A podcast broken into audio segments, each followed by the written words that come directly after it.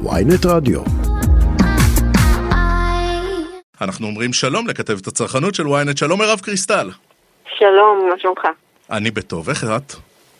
אני בסדר, בינתיים המדפים מלאים במוצרי תנובה למי שאוהב, למי שחייב. הם גם בינתיים לא רואים שינוי במחירים, למה זה? תראה, לא בדקתי בכל נקודת מכירה בארץ, אה, ברשתות הגדולות אין שינוי במחירים בינתיים. אה, הרבה, קודם כל, אתה מצטייד בדרך כלל לפני עליית מחירים, אתה מצטייד במלאי. במוצרי חלב התוקף הוא יחסית קצר, אז כמה מלאי אתה כבר יכול להצטייד, לא הרבה, אבל עדיין אתה מצטייד במקסימום. ובנוסף, מה שיש על המדף, יש לו תוקף עדיין. המוצר עם התוקף הכי קצר על המדף, למיטב ידיעתי זה קוטג', שהוא לא מתייקר. אז אה, גבינה צהובה, אה, מעדנים, יוגורטים, יש להם איזשהו תוקף. יכול להיות שבוע, יכול להיות שבועיים, ואז בעצם אה, צריך לחכות. אגב, חמאה יש לה תוקף לפעמים להרבה יותר, לכמה חודשים טובים, שנה, אז אה, יכול להיות שנראה את המחסור. אני חושבת שנתחיל לראות אותו בעוד יומיים במוצרים מסוימים, ושבוע הבא, אם יהיה מחזור, מחזור, כי יכול להיות שהרשתות כן ממשיכות לקנות מתנובה, יכול להיות שכן הם ימשיכו, ו... כי זה, זה מוצר, אלה מוצרים כל כך... אה, אייקונים כאלה על המדף, היא לא מייקרת, חשוב להגיד, את המוצרים בפיקוח, כי אלה כבר התייקרו, המדינה כן, אז, אז, אז מוצרי החלב הלא מפוקחים לא מתייקרים. אה, איזה מוצרים בינתיים ככה... בינתיים הם, הם מתייקרים, אבל, לא, אבל בינתיים הם לא התייקרו לצרכן. איזה מוצרים, ש... איזה מוצרים ש... מתייקרים ובאיזה שיעור בבקשה? שוב, אז המוצרים המפוקחים כבר התייקרו, המדינה יקרה אותם, המדינה מפקחת על המחיר, לפעמים היא מורידה אותו, לפעמים היא מעלה, הפעם העלתה, אוקיי? בגלל שחלב הגולמי התייצא כמה פעמים. ואז באה תנובה ואומרת, אני גם צריכה לפצות את עצמי על ה... על... במוצרים הלא מפוקחים, זאת אומרת שהמחיר שלהם הוא בשוק החופשי. ואז זה אומר כל המוצרים שהם לא גבינה לבנה, חלב. מצד שני, הם לקחו כמה מוצרים שהם לא מפוקחים, שהם מוצרי בסיס כמו קוטג' ו... ויוגורט לבן וחלב סויה, והשאירו אותם במחיר הקיים, מתוך איזושהי אחריות כזאת שהם אומרים את זה אנחנו לא נייקר. כי אלה מוצרים כאלה, מוצרי בסיס. אז כל המוצרים, כמו נגיד, אה, לא יודעת, אה, יופלה וקרלו ונפוליאון וגבינת עמק במדע, ב, בתוך המקררים, הפרוסה, לא במעדניה. אה, מה עוד? יש, יש להם את כל התחליפי חלב שמתייקרים, כי הם טוענים שהשיבולת שועל והסויה התייקרו, למרות שזה אחוז נורא קטן מהמשקה. בחלב, 100% מהקרטון הוא חלב. בשיבולת שועל, משקה שיבולת שועל זה רק 8%, 6%, 10%, תלוי במוצר. אז לא ברור מה ההתייקרות הגדולה. אה, זה בגדול, כל, כל מיני מעדנים, יולו, אה, קרלו, פרילי אה, ועוד, ובאדי, מוצרים כאלה.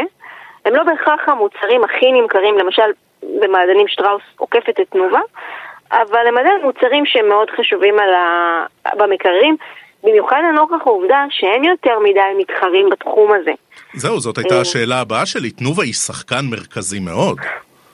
נכון, המתחרים, אני אתן דוגמה בשופרסל, כי שם זה הכי קיצוני. את טרה הם, לא, הם כבר לא משווקים, אה, הם לא מוכרים לצרכנים את המוצרים הלא מפוקחים של טרה, כי טרה העלתה מחירים. זה בסכסוך עם טרה, והם לא משווקים את המוצרים, אז אין לך את היוגורט מולר וכל מיני כאלה, או את המעדני מו. אה, ואז אתה נשאר עם אה, מותג פרטי, שהמותג פרטי של שופרסל היה בעיקר במוצרים בפיקוח, וזה גרם למחלבות רמת הגולן, שהיא היצרנית העיקרית, להיכנס לקשיים כלכליים. אז אין כמעט, אין, לא, בטח לא היה ביוגורטים. יש משהו של ווילי פוד ביוגורטים שהוא יקר, אה, ויש את דנונה של שטראוס יטבתה, יש את המוצרים של שטראוס יטבתה, שהם לרוב מוצרים יחסית יקרים בקטגוריה. אז אין יותר מדי. בגבינות צהובות יש גבינת יבוא אחת מאוד זולה, שהמדינה מפקחת על המחיר שלה, אבל רוב הגבינות הצהובות האחרות יקרות. אז מירב קריסטל, אם אני מבין אותך נכון, אה, ברשתות הקטנות, במקולות השכונתיות, המחירים יעלו באופן יחסי מהר מהר, אבל אה, ברשתות בינתיים יש אה, מלאי, ואז אנחנו נראה את זה בעוד כמה ימים, אבל אנחנו לא באמת יודעים כמה זמן המלאי הנוכחי יחזיק. קודם כל, גם במכולת אתה לא יכול לדעת, כי אתה יודע, יש מכולות כאלה שיש כזה אבק על המוצרים, לא כל, כאילו, כי אין להם הרבה לקוחות. מכיר היטב, זאת המכולת אה, ליד הבית שלי, כן. כן. זהו, אז קשה להגיד, בגדול, ברור שלרשתות הגדולות יש יכולת יותר לאגור ולאחסן, מצד שני במכולת לפעמים קונים פחות, אז קשה להגיד את זה ככה גורף, אבל כן, בגדול, ייקח כמה ימים עד שהמוצרים ייעלמו מהמדפים בגלל שיקנו אותם והתוקף שלהם עדיין ארוך. ודבר שני, אמ, חשוב גם לזכור שיכול להיות שלא יגיעו מוצרים, כי רשת כמו שופרסל שאומרת שהיא לא, אה, לא מוכנה לעליית מחירים של אה, תנובה, יכול להיות שהיא לא תקבל גם מוצרים של תנובה. יכול להיות שרשת אחרת, שתגיד אני מוכנה לעליית מחירים, לא יהיה לה שום חוסרים במדף, ונראה עליית מחירים פשוט. מירב, אה, מה קורה עם החרם על יוניליבר? יש פה איזה חדש? בשופרסל עדיין אה, משחקים אותה אבירי הצרכנים ומגינים עלינו? קודם כל חשוב להבין שכל ההתנגשויות האלה בין החברות לרשתות לא קשורות לצרכנים כי זה עליית מחירים לרשת.